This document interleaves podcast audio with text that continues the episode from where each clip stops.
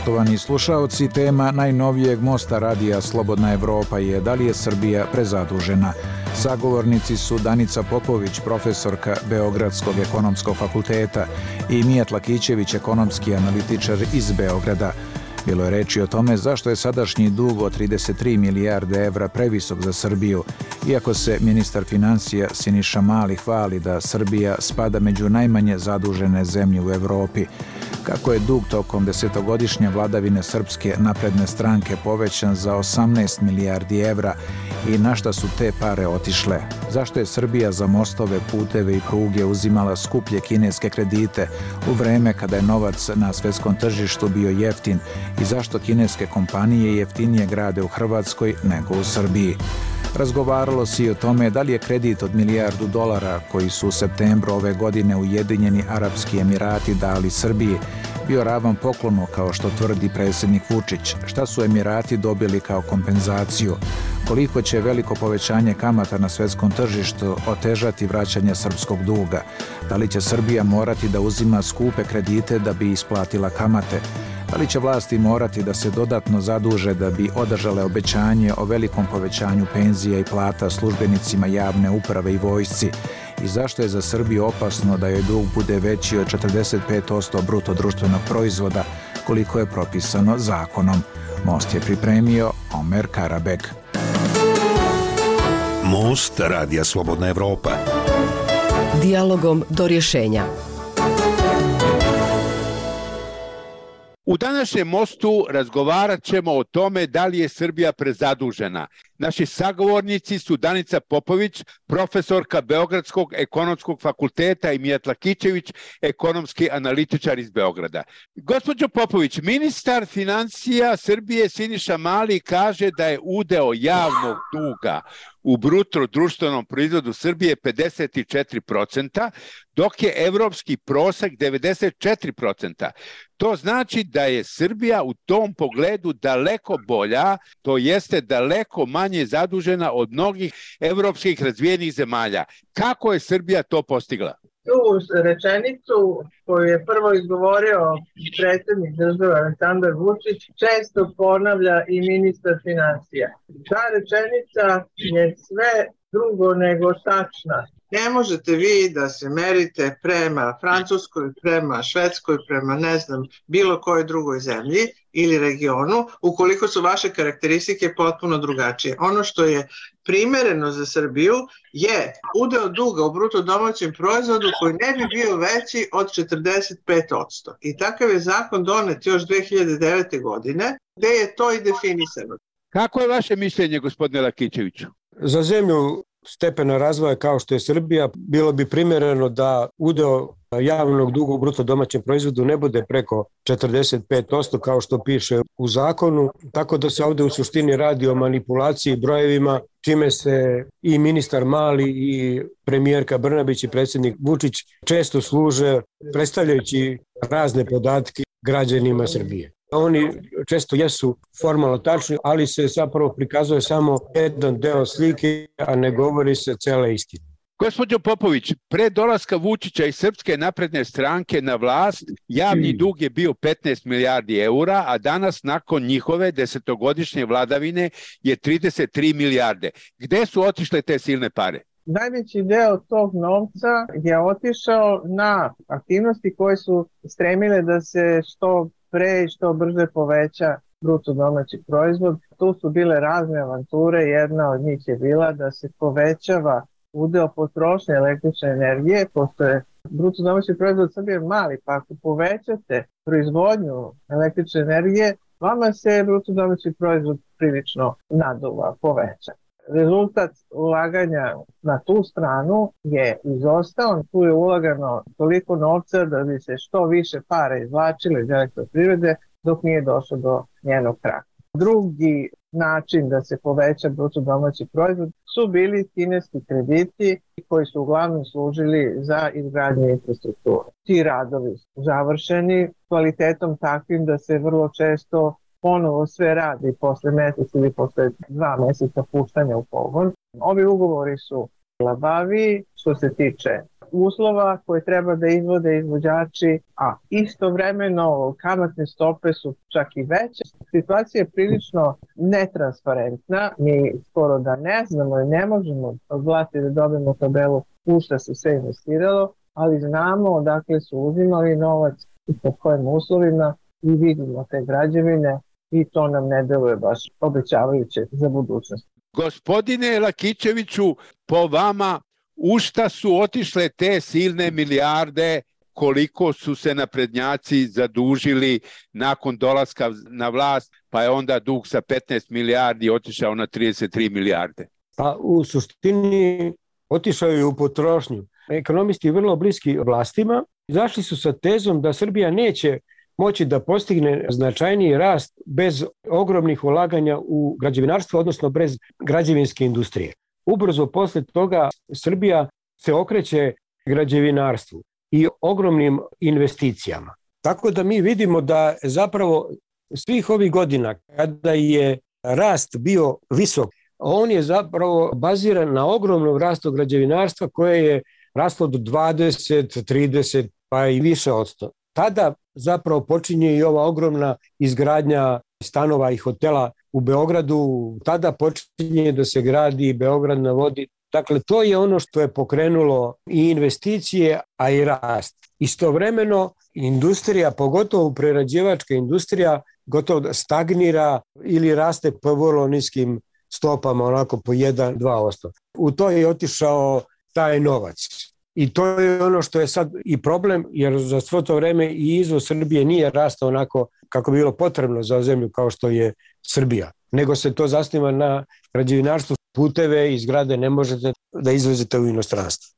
Gospođo Popović, zašto je Srbija uzela toliko kineskih kredita koji su mnogo skuplji bili nego što su se mogli dobiti krediti na svjetskom tržištu jer su to vreme, za razliku od sadašnje situacije, novac je bio jako jeftin a Srbija je uzimala stalno te skupe kredite od Kine. Zašto od Kine? To je pitanje da li volite da promenite novac u banci ili u nekoj privatnoj menjačnici gde se ne izdaju potvrde niti papiri. Ova vlada je izabrala da radi malo ispod žita, dakle da izabere one poverioce kojima neće biti obavezna da odgovara za bilo šta učinjeno, neučinjeno, kako je učinjeno i tako dalje. Dakle, jedan CV je razman koji se skupo plaća, znači plaćam skupo novcem građana koji će da vraćaju te kredite, ali će otplaćivati pare po većoj kamatnoj stopi, a država dobija veću slobodu da te investicije budu vrlo labavo definisane. Pa ne mora ni da se daje izveštaj. Mi, ja ne znam da li i kad video izveštaj o tim investicijama, što bi bila obaveza kada se radi sa međunarodnim finansijskim institucijama. Ovde toga nema. Ovde znači kada je neko birao, a predsednik Vučić je rekao da on o svemu odlučuje, pa vjerojatno on je ovom odlučivao, da se pare uzimaju od kineskih institucija, što će građani platiti skuplje, ali on zato dobio veću slobodu da te pare deli i stavlja kako god hoće. Može mu se, pa je tako i uradio. Čini mi se da bi svako ko je u toj situaciji, kao što je naš predsjednik države, uradio to isto. Dakle, ne krivim lično ništa njega, nego institucionalni okvir koji bi to omogućio svakome ko sedne u tu stolicu gde sad sedi predsjednik Vučić. Gospodine Lakićeviću, zašto je država uzimala toliko kineskih kredita? U najkraćem zbog korupcije. Naime, s jedne strane, to su bili krediti gde se dogovaralo direktno između dve države, tako da nije bilo nikakve kontrole javnosti, a drugo, taj međudržavni aranžman omogućavao je da se i građevinski poslovi ugovaraju direktno sa kineskim firmama i time se izbegavao propis, zakonska obaveza da svi javni radovi idu na tender. Znači, ako hoćete da gradite prugu Beograd-Novi Sad, trebalo bi da raspišete tender i da kažete treba da se gradi ta pruga, ko će to da radi i po kojoj ceni. Ovako se to izbegavalo. I zbog direktne pogodbe mi imamo situaciju s jedne strane da su ti krediti koje smo dobijali od, od Kineza, budući da su bili tako direktno dogovoreni, bili skuplji nego što biste za iste te poslove, pogotovo za velike građevinske objekte, dobijali kredite od međunarodnih finansijskih institucija. To je Srbiji bilo moguće zato što nije članica Europske unije. Recimo, Hrvatska koja je gradila Pelješački most, morala je da raspiše tender i taj most jeste gradila kineska kompanija, ali je to bilo znatno jeftinije od onoga to su nudile neke druge strane firme, dok je u Srbiji obrnuto. U Srbiji Kinezi rade skuplje nego što rade domaće firme ili što se rade oni objekti koji su pod kontrolom evropskih finansijskih institucija. Poštovani slušalci, pratite Most Radija Slobodna Evropa u kome se razgovara o tome da li je Srbija prezadužena.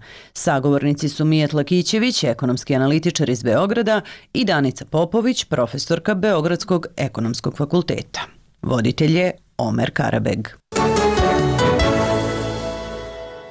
Gospođo Popović, Vučić sve u septembru pohvalio da je uspeo da obezbedi da Srbija dobije kredit od Ujedinjenih Arapskih Emirata po kamati od 3%. Rekao je da je taj kredit praktično poklon jer se zapadne zemlje zadužuju po duplo većim kamatama. Zašto bi Ujedinjeni Arapski Emirati poklanjali pare Srbiji? Pa meni se čini kada se radi o tim velikim infrastrukturnim kreditima to su prevelike kamate za takve finansijske aranžmane.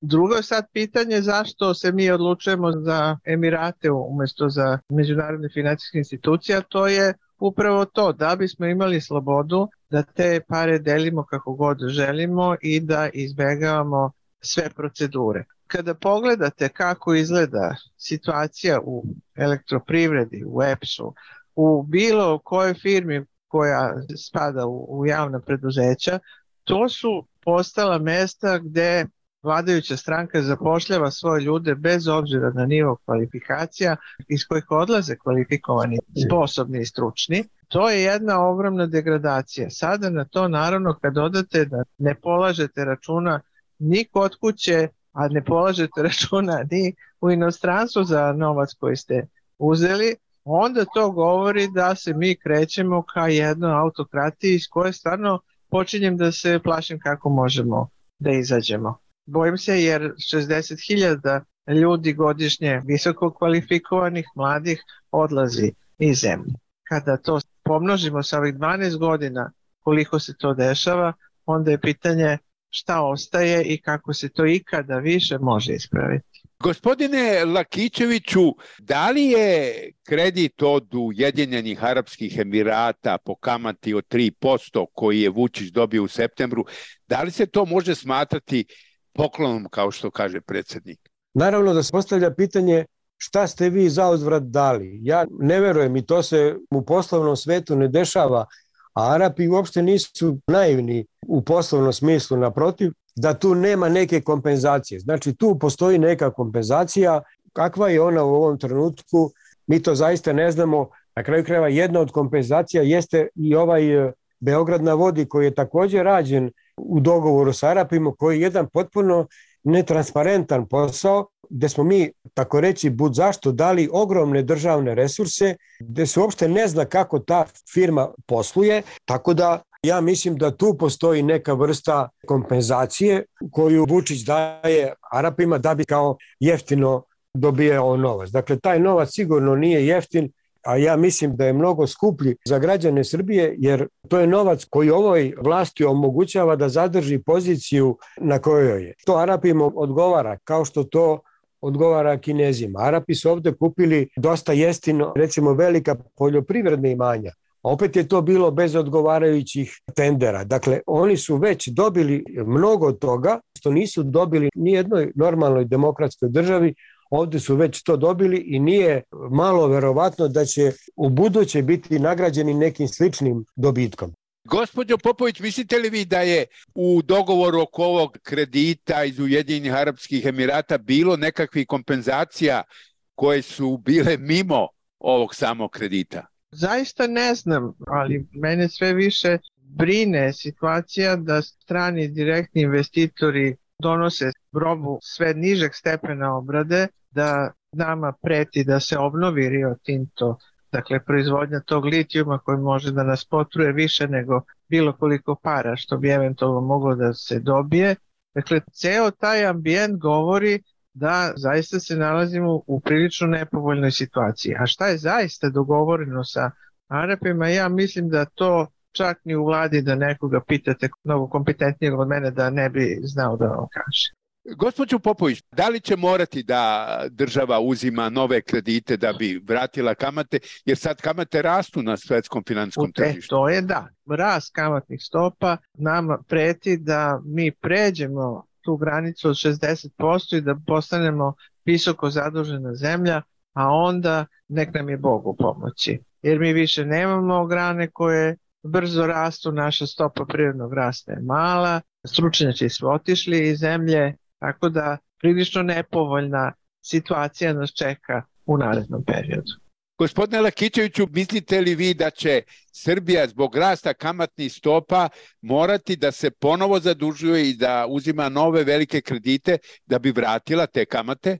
Srbija će iduće godine uzeti kredite bar od 8 milijardi evra. Od toga će, to je rekao i ministar Siniša Mali, 4,6 milijardi biti namenjeno za vraćanje kredita koji dospevaju iduće godine. Jedan deo od toga, znači to je negde oko 2,3 milijarde evra, to je za pokriće državnog fiskalnog deficita koji će biti iduće godine i tu se računa na još otprilike jednu milijardu praktično za finansiranje energetskih preduzeća EPS-a i Srbija gasa.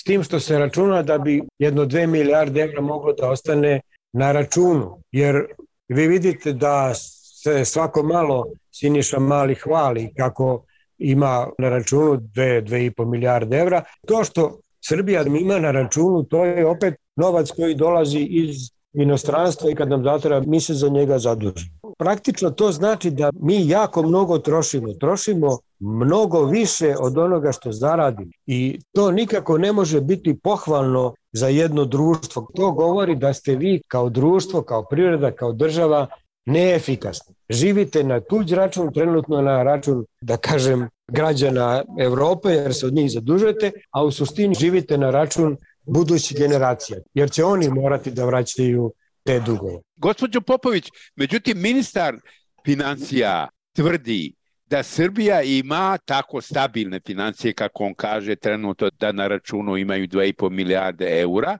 zbog toga što se u krizi nastalo i nakon pandemije i ruske agresije na Ukrajinu mnogo bolje snašla od mnogih razvijenih zemalja. Da li je to moguće?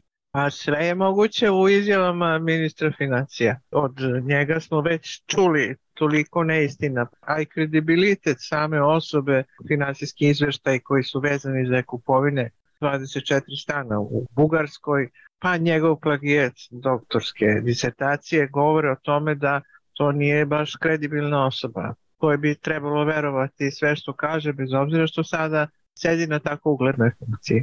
Gospodine Lakićeviću, mislite li vi da se Srbija bolje snašla od drugih zemalja u ovoj velikoj ekonomskoj krizi kao što tvrdi vlada? Ne vidim da se Srbija bolje snašla od drugih zemalja.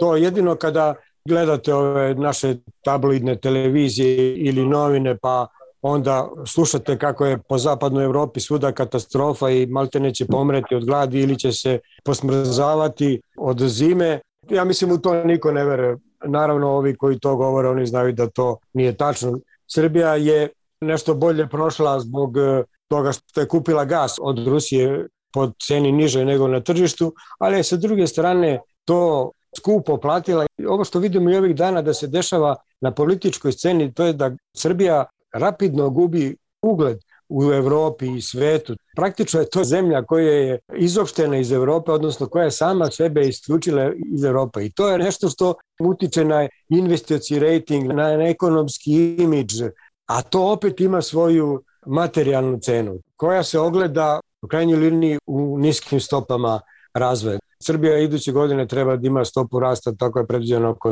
2,5 do 3 osto. To je za potrebe Srbije i za mogućnosti Srbije, tako reći, ništa. Ali to je u neposrednoj vezi sa tom energetskom politikom koju vodi Srbija i gde mi mislimo da smo na gasu ušićarili nekoliko stotina miliona evra kupujući ga jeftinije, ali smo zato na drugoj strani izgubili milijarde evra. Poštovani slušalci, pratite Most Radija Slobodna Evropa u kome se razgovara o tome da li je Srbija prezadužena.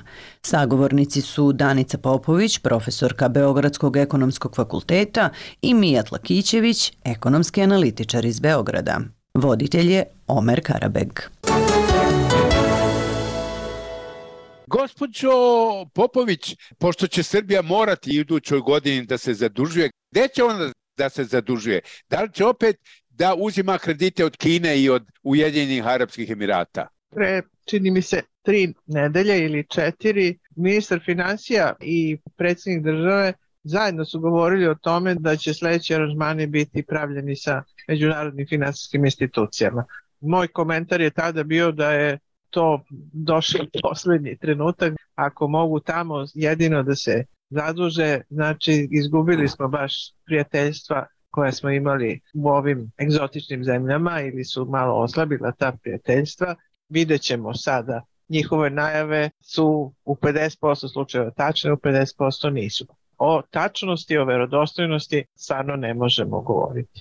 Gospodine Lakićeviću, mislite li vi da će biti još kredita od Kine i od Ujedinjenih Arapskih Emirata? Meni se čini da će biti manje kredita od Kine, pošto su oni čisto infrastruktura, oni su vezani za određene projekte. Kinezi je trebalo da finansiraju metro. Taj projekat je između ostalog i zbog ove krize trenutno, ja mislim, stavljen ad acta. Nova autobuska stanica u Beogradu koja je trebalo da bude davno završena, izgradnja je prestala i pitanje je kada će biti završena.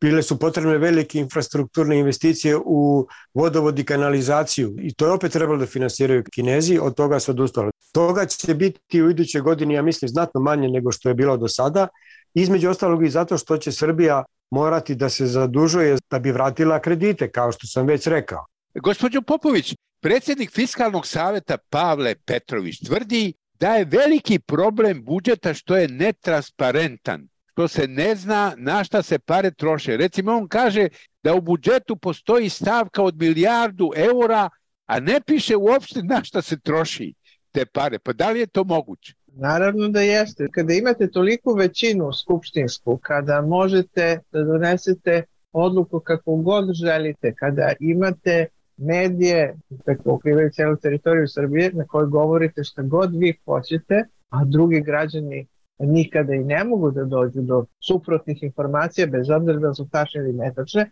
vi imate situaciju da možete da radite bukvalno šta god hoćete profesor Pavle Petrović je rekao uz ovo što ste vi napomenuli i to da se ne zna na šta je potrošeno 190 miliona evra u 2021. godini. Iz podataka koji su dostavili iz Ministarstva financija to se apsolutno ne vidi. Potrošeno jesu gde nećemo da vam kažemo.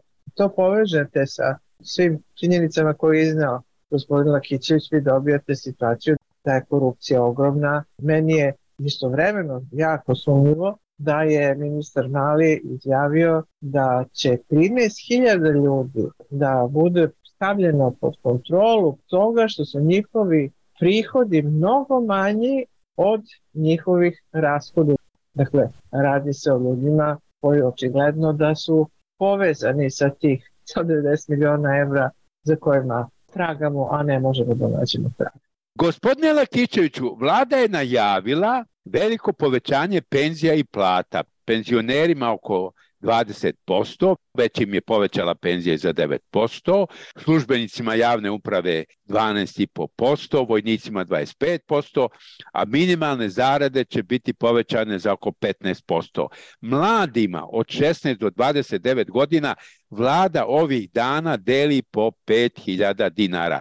Odakle joj tolike pare? Da li se i zbog toga zadužuje? Dobro ste primetili na kraju pitanja. To je to. Kao što sam i rekao, veliki deo tih kredita koje je država uzimala poslednjih godina odlazi i u tu potrošnju. Sav onaj silni novac koji je deljen građanima za vreme korone, u suštini je iz duga, znači iz pozajmica, tako će biti i ovoga puta, odakle na kraju krajeva i taj tako ogroman deficit. Praktično imate 2,5 milijarde deficita u državnom budžetu, a onda povećavate plate u javnom sektoru i penzije. Iz zajmova. Nema drugih para. Privreda Srbije ne stvara ni blizu onoliko koliko se troši. Gospodin Popović, mislite li vi da će ova velika povećanja, a je stvarno velika povećanja, i penzija i plata biti iz novog duga? To će morati da bude iz novog duga jer nema nijednog drugog načina da se to finansira. Tragedija jeste što će ta povećanja eventualno dovesti stanovništvo do neke kompenzacije za ovu veliku inflaciju koja je zemlju zadesila, gde su upravo najsiromašniji i oni sa najmanjim primerima prošli najgore. Ta povećanja će doneti neki boljitak, vraćanje na neki stari nivo, ne više od toga eventualno, ali će biti finansirano nekim novim zaduženjima. Ono što jeste problem, što ta nova zaduženja neće ići po kamatnim stopama od pre pandemije, najniže mogućim, već sada mogu da budu i vrlo velike i govori se o kamatnim stopama od 7-8 procenata ili čak i većim od toga, a to je onda tek jako opasno, jer vama svaka kamatna stopa koja je veća od 7%, no je nemoguće vratiti, a da zemlja ne osiromaši. Gospođo Popović, da li se onda može reći da se vlast danas zadužuje da bi popravila standard sadašnjoj generaciji, a to će onda morati da otplaćuju njihova deca? Ova vlast se zadužuje da bi ostala na vlasti. To je osnovni razlog zašto se zadužuje. Oni od prvog dana vode predizbornu kampanju. Gospodina Lekićeviću, mislite li vi da se ova vlast zadužuje da bi ostala na vlasti? Pa ona to praktično radi od početka. Kako je dolazilo do određenih problema i kako s vremena na vreme nastupi neka kriza, to zaduživanje se jako ubrzava. Pri čemu još bih samo hteo da kažem da će i sva ta povećanja kojih je došlo i do kojih treba da dođe početkom iduće godine, jedva da će ispratiti pad standarda do koga je došlo zbog e, velike inflacije. Jer ona će ove godine biti 15-16%, moguće i više, to ćemo već da vidimo. Najavljuje se povećanje cene struje za iduću godinu, povećanje gasa, to će verovatno izazvati povećanje drugih proizvoda, dakle nas iduće godine čeka inflacija. Biće dobro ako sva ta ogromna kao povećanja o kojima se govori iduće godine budu uspela da održe standard na istom nivou, a on je opet moramo to da kažemo jako nizak, znači da ostane standard na istom nivou, a da se dalje ne srazava. I na kraju, gospođo Popović, u zaključku, da li je Srbija prezadužena? Da, ova stopa zaduženosti trenutna je mnogo veća od onoga koju bi Srbija po svojim kapacitetima privrednim trebalo da ima. Srbija bi bila zadužena normalno, primereno zadužena po stopi od 45% bruto domaćeg proizvoda. Moj odgovor da smo mi visoko zadužena zemlja. Gospodine Lakićeviću, kako je vaš zaključak? Da li je Srbija prezadužena zemlja? Ona možda nije još predzadužena u smislu da zbog toga ne može više da dobije nove kredite.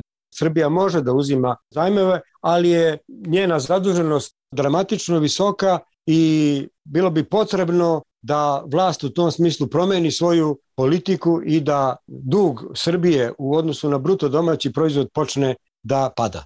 Dobro, ako se slađete, ja bih sada završio ovaj razgovor. Hvala gospođu Popović. Hvala veliko.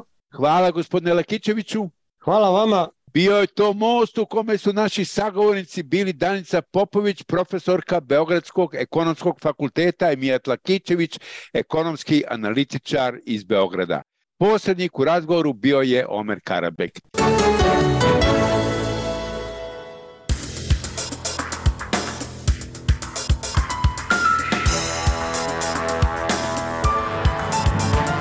I to je, poštovani slušalci, bilo sve u ovoj emisiji Radija Slobodna Evropa. Kao i obično možete nas pratiti na web sajtu i društvenim mrežama. Ostanite zdravo!